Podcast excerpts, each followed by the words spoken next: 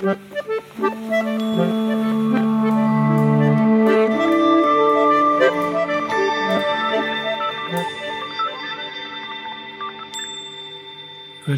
til podkasten Ytringsklima. Eh, her snakker vi om hvordan mennesker snakker sammen på jobb. Mitt navn er Øyvind Kvalnes. Eh, jeg er filosof og jobber ved Handelshøyskolen BI. Gjest i dag det er Anne Grete Solberg, som er arbeidslivsforsker og tilknyttet Arbeidsforskningsinstituttet. Velkommen, Anne Grete. Tusen hjertelig takk. Dette har jeg gledet meg til. Jeg syns det er veldig stas at du vil være med på uh, denne samtalen. Uh, og grunnen til at jeg har invitert deg, er at jeg har kommet over en, uh, en, et intervju med en person, og hun sier ting som jeg har lyst til å, som jeg trenger hjelp til å forstå skikkelig. Og, og det tenker jeg du kan hjelpe meg med. Ja, kanskje. Vi får høre.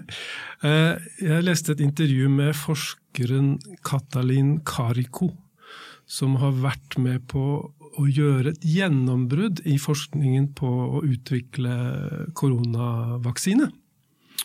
Og eh, det hun sier, er at eh, hun har jobbet med dette i mange år. Og så sier hun at det ble først et gjennombrudd i hennes forskning Eh, og i arbeidet med å utvikle denne vaksineløsningen, da hun fikk samlet folk som ikke var opptatt av ego og status og roller og posisjon og eierskap, personlig eierskap til ting.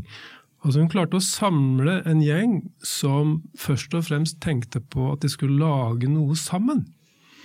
Eh, og så sier hun at eh, arbeidet ble veldig forsinket av eh, hun sier dessverre mannlige professorer som var opphengt på status, og at man kun skulle lytte til de som hadde vært med en stund, osv. Så, videre. Så hun har klart å samle en gruppe som har klart å jobbe sammen, og det syns jeg er veldig fascinerende. Eh, og så vet jeg at du har forsket på gruppeklima og hvordan mennesker jobber sammen i grupper. Så hva slags tanker får du når du hører denne historien fra denne forskeren? Jo, jeg tenker at hennes erfaringer med dette det stemmer veldig godt med den forskningen jeg har gjort om grupper. Eh, og der er det jo sånn at når vi først i arbeidslivet samler oss og organiserer oss veldig ofte i grupper, så er jo det fordi at vi håper og tror at vi skal få til en synergi, eller at vi skal få til at to pluss to ikke bare blir fire, men at det blir fem eller seks eller syv. Um, og noen ganger så er jo det full klaff. Og det hun da har observert her, er tydeligvis eh, et veldig godt gruppeklima, som først og fremst er skapt av dem som sitter i klima. Og det er også eh, viktig å huske at skal man gå inn og forske på grupper, eh, så må man huske på at det er ikke uten videre at man kan bli en del av den gruppa som sitter der. For de har erfaring, eh, de har tradisjon, de har en måte å snakke på sammen som gjør at det er veldig vanskelig å komme utenfra og sitte og forske på dette. Men når det er sagt, eh, så er det tilbake til den vaksinegruppen som har funnet ut disse gode resultatene. Så tenker jeg at de har også klart eh, en eller annen Eh, kanskje en fasilitator har klart å få til et veldig godt gruppeklima. Ja, så Hva er det som kjennetegner et godt gruppeklima? Ja, altså Et klima er jo ø, en atmosfære. Eh, det er en, at man kan merke at man har en slags kjemi med hverandre. Det gir noen energier. Og det vi også vet fra forskningen er at klimaet i seg selv er fryktelig smittsomt. Ja. Altså, Du kan jo tenke deg når du kommer hjem på kjøkkenbordet og alle er veldig godt humør og snakker av veldig sånn uh, oppildnet, så tenker du 'oi, her var det da hyggelig', hva er det som har skjedd her i dag, da? Og så blir det smitter over på deg med en gang, nesten uten at du vet hvorfor. Og det samme hvis det er noen som er veldig lei seg, så kan man fort dra ned energien i hele gruppa.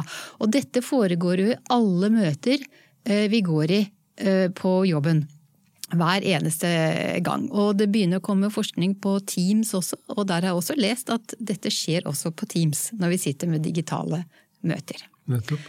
Og det det syns jeg er veldig spennende, det med smitteeffekten. Da, fordi eh, det, både positive og negative følelser og stemninger smitter. Mm. Um, og det minner meg om noe jeg oppdaget da jeg var med på en studie av en, en arbeidsplass, et, et sykehjem, mm. Hvor to veldig smarte, flinke ledere de innførte noe som de kalte morgenheisen.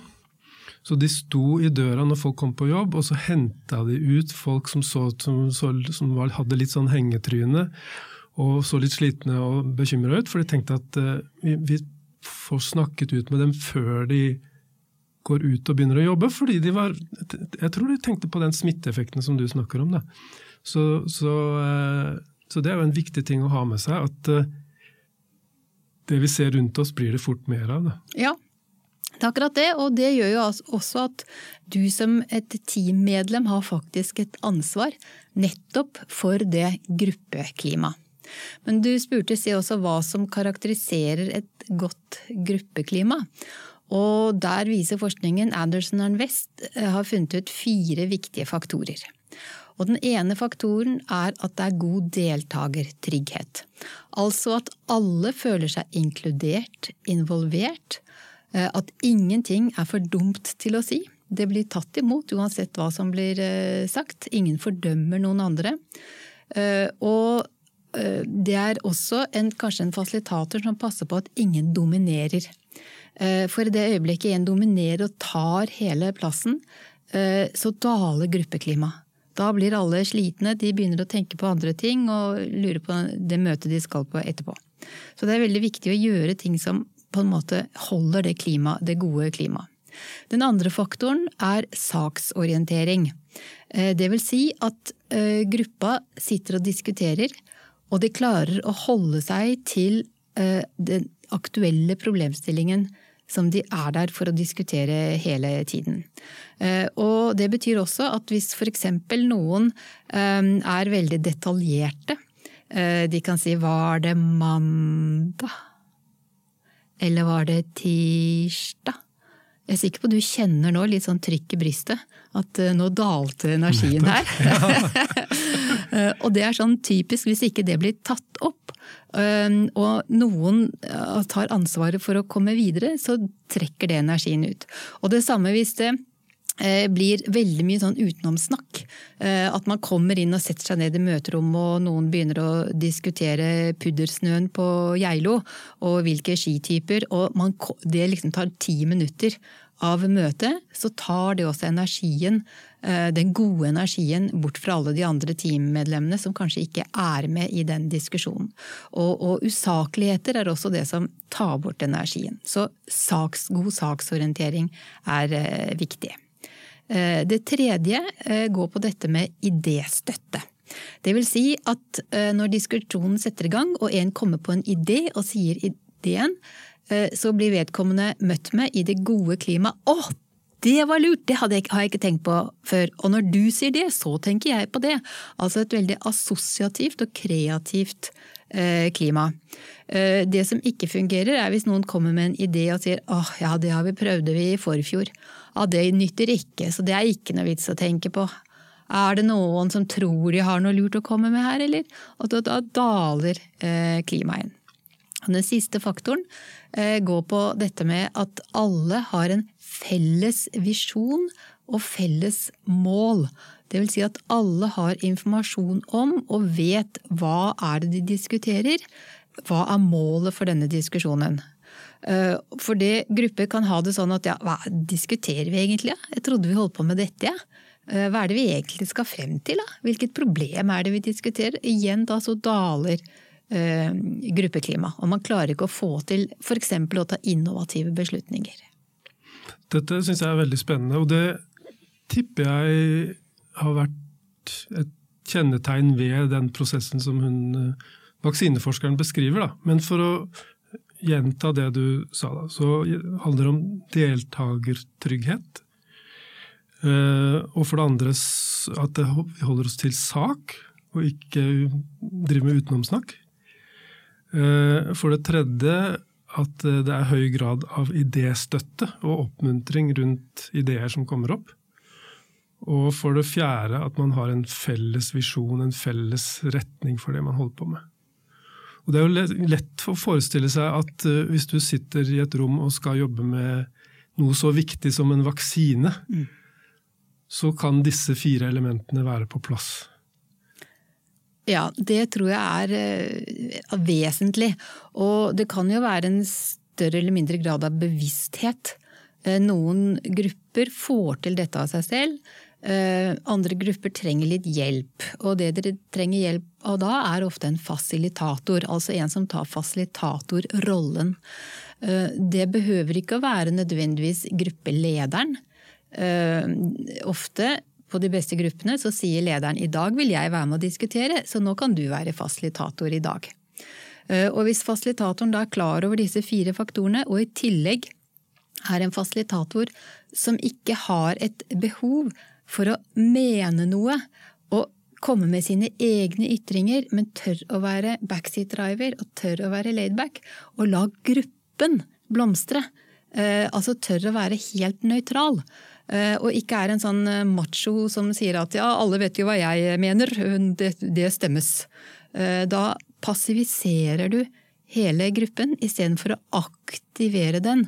Eh, og her sitter det jo ofte folk med høy kompetanse, høy lønn, lang erfaring, har med seg mange ideer inn i rommet. Så det å på en måte være en slags sånn eh, autoritær fasilitator, det er en kjempesjanse å ta. Og du klarer ikke å få til det gode klimaet. Nettopp.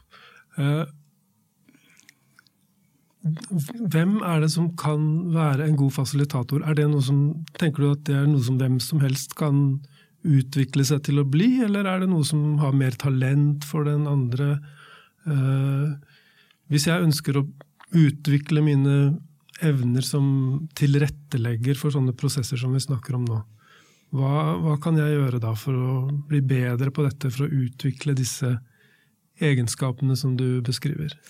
Jeg tenker det kan være viktig å gå litt innover i seg selv. Ja. Og bli litt godt kjent med seg selv og bli trygg på sin egen plattform, ståsted og rollen som fasilitator.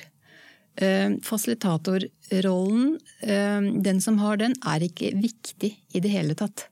Det er bare en slags dramaturg, en regissør, en mediator, en moderator, en katalysator. Det er en som skal koordinere, og en som skal få ting til å skje. Når det er sagt, så er det jo også mange teknikker. F.eks. at en fasilitator elsker uenighet. Eh, og ikke rygger tilbake og er redd for det og liksom skal dempe gemyttene her. Eh, selvfølgelig er det viktig å ha en hyggelig tone hele tiden. Det skaper godt klima. Eh, men det å være en fasilitator som legger merke til ulike typer argumentasjoner, ulike typer perspektiver, og nesten kan sette sette folk litt opp mot hverandre i anførselstegn, og si at å, nå hører jeg du kommer med det argumentet, men når jeg snakker med deg, så sier du noe helt annet. Kan ikke du som var så uenig med den første, utvikle en ny argumentasjon, og hvilke tiltak skulle vi hatt, tenker du, hvis du skulle også møtt den andres argumentasjoner? Og plutselig så får man da til denne synergieffekten av at disse sitter og diskuterer, eh, og nesten klarer å overbevise hverandre. Altså de reflekterer høyt, de argumenterer, og de klarer å overbevise hverandre. Eh, og det er mye lettere å få til, tror jeg, når du har en fasilitator som på en måte kan den eh, teknikken. Ja, for jeg tenkte på det med uenighet da du snakket om disse fire elementene, hvor det tredje er idéstøtte. For jeg tenker jo at uh, Vi trenger jo også friksjon og motstand og motforestillinger. Uh, så det, det, trenger også være et element i, i dette spillet, ikke sant? Jo da.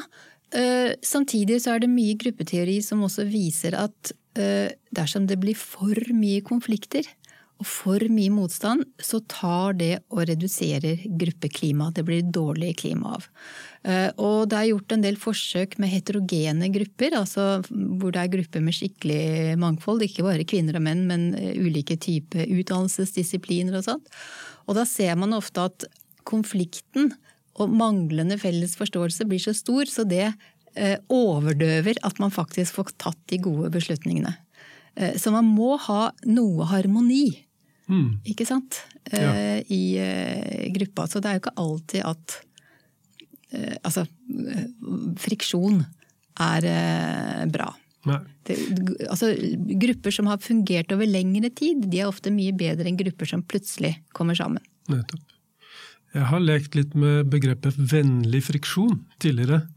Eh, inspirert av Arne Næss, egentlig, som skrev at eh, i en atmosfære av vennlighet så kan man tåle mye fra andre.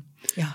Så det syns jeg er sånn, uh, flott, uh, et flott utsagn som jeg tenker kan inspirere i en sånn retning som du beskriver. Da. Og det er jo så deilig når man møter folk man kan være uenig i, og reflektere sammen og noen ganger endre faktisk sin egen forståelse av noe og argumentasjon. Eh, og noen akademikere, for å trekke fram noen, er jo veldig flinke til akkurat eh, dette. Og samtidig holde altså det, det, gode selskapet. Og respektere hverandre, anerkjenne hverandre, akseptere Nettopp. Eh, den andre. Nettopp. Men jeg syns jo også at uh, noe av det vi akademikere kan uh, ha rundt oss, er jo en ganske skarp tone. I, jeg tenker på uh, sånne seminarer hvor vi legger fram hverandres arbeider osv. Så, videre. så er det jo ofte en skarphet som kan være litt sånn, skape en del motløshet. Så jeg tenker jo at det er en del å lære der. Ja, og, og det, det, skaper et dårlig klima også. Istedenfor at man i bunn og grunn er der for å lære og kunne liksom interagere og få komme frem til nye ting. Uh, så er det jo veldig mange som står der og er rivaliserende og holder på med, på godt norsk, revirpissing. Som da blir så viktig for dem. Ja. Så de lytter ikke, de, de, får ikke med seg hva andre sier. Det er liksom bare deres egen argumentasjon og deres eget paradigme som skal frem hele tiden. Og det er jo fryktelig slitsomt. Ja. Og, og, det når folk begynner å konkurrere med hverandre, sammenligne seg med andre, eh, være sjalu på den andre, det er ikke bra for eh, klimaet. Nettopp. Eh, tilbake til det intervjuet med, med Kariko, vaksineforskeren. Så, så, sier hun noe om at utviklingen til å begynne med ble hemmet av at det var en del folk som var opptatt av status og rivalisering, og de ville gjerne at etter at prosessen var over, så skulle du kunne peke og si 'der kan du se at jeg var inne', og 'der kan jeg se mitt bidrag', og 'der er mitt bidrag'. Eh, men det jeg er nysgjerrig på, er jo om hun, for å få til det gode klimaet som du beskriver også, om hun har vært nødt til å skifte ut folk, eh, få inn nye mennesker, eller om det har vært en modning hos noen av de menneskene som til å begynne med var bremseklosser, da, fordi de var eh, mer sånn på rivaliseringskjøret. Hva tror du om muligheten for å få folk til å endre seg og, og, og være mer lydhøre overfor andre og mindre statusopptatt? Ja, det er ingen enkel oppgave, eh, tenker jeg. Jeg sitter i mange styrer. Ja. Eh, og jeg har jo tatt meg selv i noen ganger når jeg leser styrereferatet. Ja, men eh, hvor står det jeg sa? Nettopp. Eh, så jeg tror nok alle har litt av det i seg, selv om jeg er veldig klar over hva som skaper et godt eh, gruppeklima. Men du kan si noen har jo en så sterk personlighet, sånn at de må på en måte ikke bare ha rett, men de vil få rett hele tiden. Ehm, altså det å, å få rett er nesten viktigere for dem. Uh, og det å kunne klare å snu dem, da skal du jobbe veldig mye med deres uh, forståelse av fellesskapet. At det er det å være sammen som gruppe som er det viktige. Det er da man klarer å produsere på høyt nivå. Det, jeg tror det er veldig vanskelig, og spesielt hvis det er sterke fagpersoner Eh, som har jobbet et langt liv, og den ene suksessen eh, lineært bare tar over etter den andre hele tiden, så er det nok vanskelig å få til å snu. Um, men jeg må jo si, eh, noen ganger så har jeg liksom sett på jazzmusikere når de sitter og Hva heter sånn når du sitter og finne på jazz. Improvisere. Improvisere, ikke sant. Ja. Improvisasjon av jazzmusikere.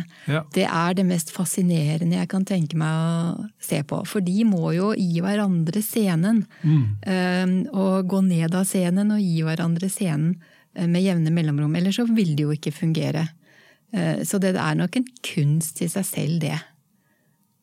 Det er sant. og, og du bringer inn musikk her, og jeg, øh, mens vi har snakket om dette, så har jeg assosiert til øh, vignetten for denne, denne podkasten. Øh, som er laget av et, en gruppe som heter Avant Folk. Uh, og jeg tror vi skal stoppe her og så lytte til den vignetten en gang til.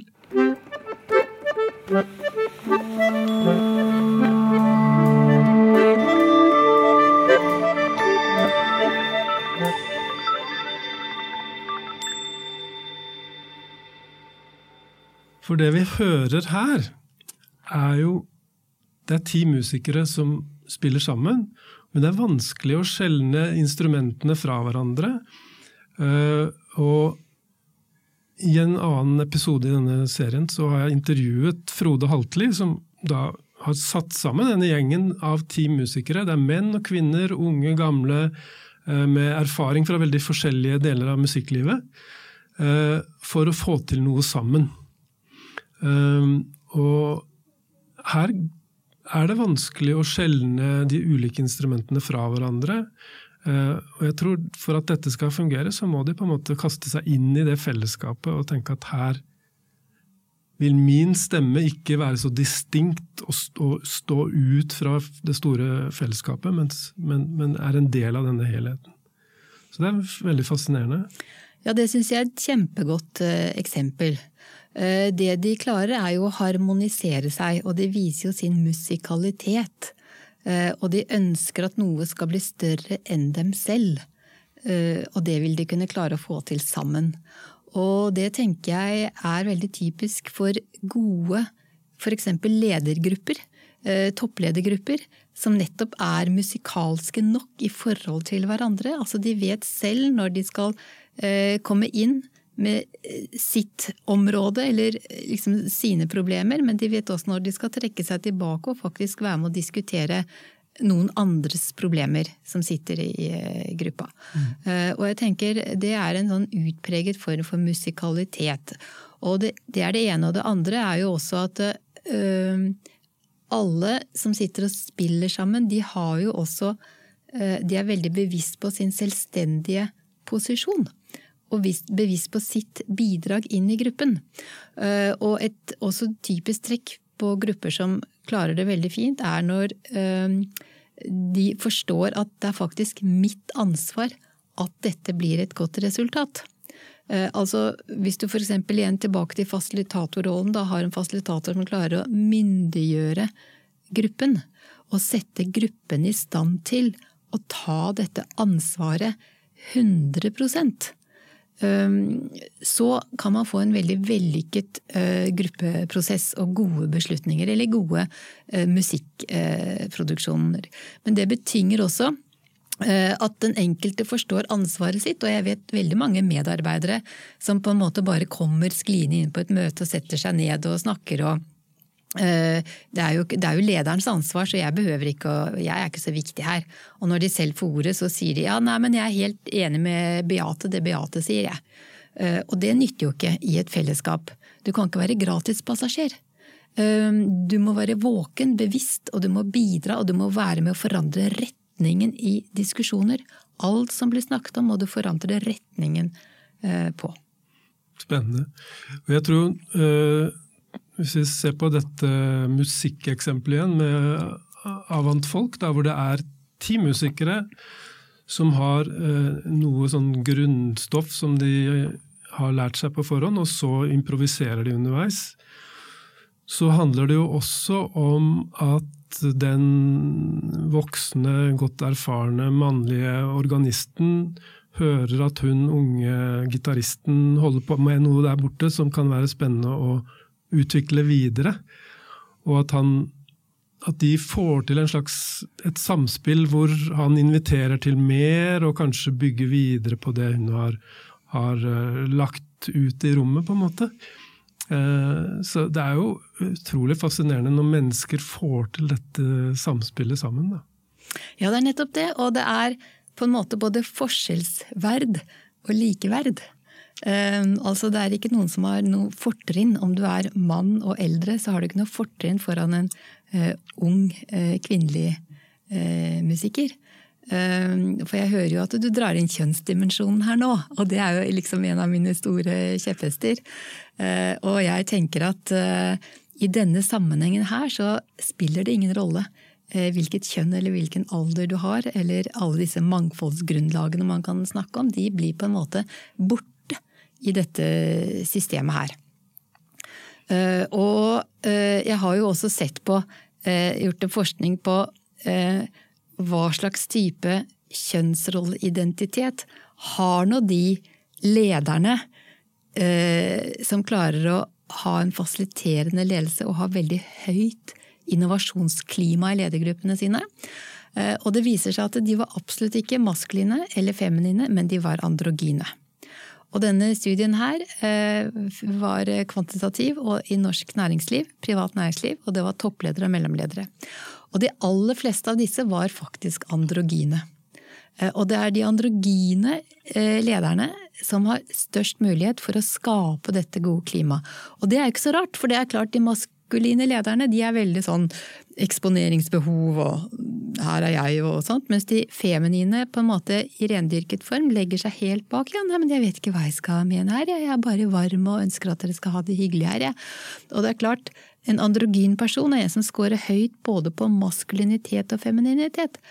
Eh, og det er jo de, den kombinasjonen der av egenskaper som er kjempeviktig for å liksom kjøre disse gode prosessene fremover. Og jeg er helt sikker på, hadde jeg gjort en undersøkelse på dirigenter, så jeg er helt sikker på at de hadde funnet at de var androgyne. ja, det er spennende. Og, og etter å ha hørt uh, dine refleksjoner rundt dette, så, så, begynner jeg å se på Katalin Kariko og Frode Haltli, som er de to lederne vi har snakket om med navn her, da, mm. uh, med et annet blikk. Og kanskje er dette androgyne ledere som har både disse maskuline trekkene og de feminine trekkene, og kombinerer det på et vis. Da. Ja, du skal ikke se bort fra det. Mm. Og at de er gode dramaturger, regissører. Og at de klarer å gjøre dette på en annen måte. Altså de, de empower people. De får De setter ting um, i gang. De får folk til å ta tak i sin egen situasjon og jobbe sammen. Ja. Men du har brukt eh, ordet myndiggjøring tidligere i samtalen, og det syns jeg er et veldig godt ord for eh, det vi snakker om her. Ja, ja det er akkurat det. Empower er veldig amerikanisert. Og, og sånt, men myndiggjøring, det syns jeg er bra. Enig med deg. Ja. Eh, vi nærmer oss slutten på denne samtalen. Jeg har lyst til å gjenta disse fire momentene som du nevner, som kjennetegner et godt gruppe, gruppeklima. Eh, det er deltakertrygghet. Det er saklighet. Det er idéstøtte. Og det er å ha en felles visjon. Ja. Så disse fire elementene kan danne grunnlag for å ha gode prosesser sammen i en gruppe. Ja, og for å utfylle så kan jeg også si at eh, fasilitatorrollen Eh, også kan bidra til dette dersom eh, fasilitatoren tør, å være nøytral eller objektiv. Eh, evner å polarisere meningene. At folk kan være uenige. Og også myndiggjør gruppen. En fasilitator gjør aldri selv det gruppen kan gjøre selv. Det syns jeg var en nydelig avslutning. Eh, tusen takk til deg, Anne Grete Solberg, for at du ville være med på denne samtalen. Tusen takk for å få lov til å være her. Gøy. Jeg forstår nå mer av hva som foregår når en gruppe får til spennende ting sammen, enn jeg gjorde da vi startet opp. Så det var jo dit jeg håpet at vi skulle komme. Så da kan vi gjerne høre vignetten fra Avant Folk eh, enda en gang, og sier tusen takk for denne gang. Thank you.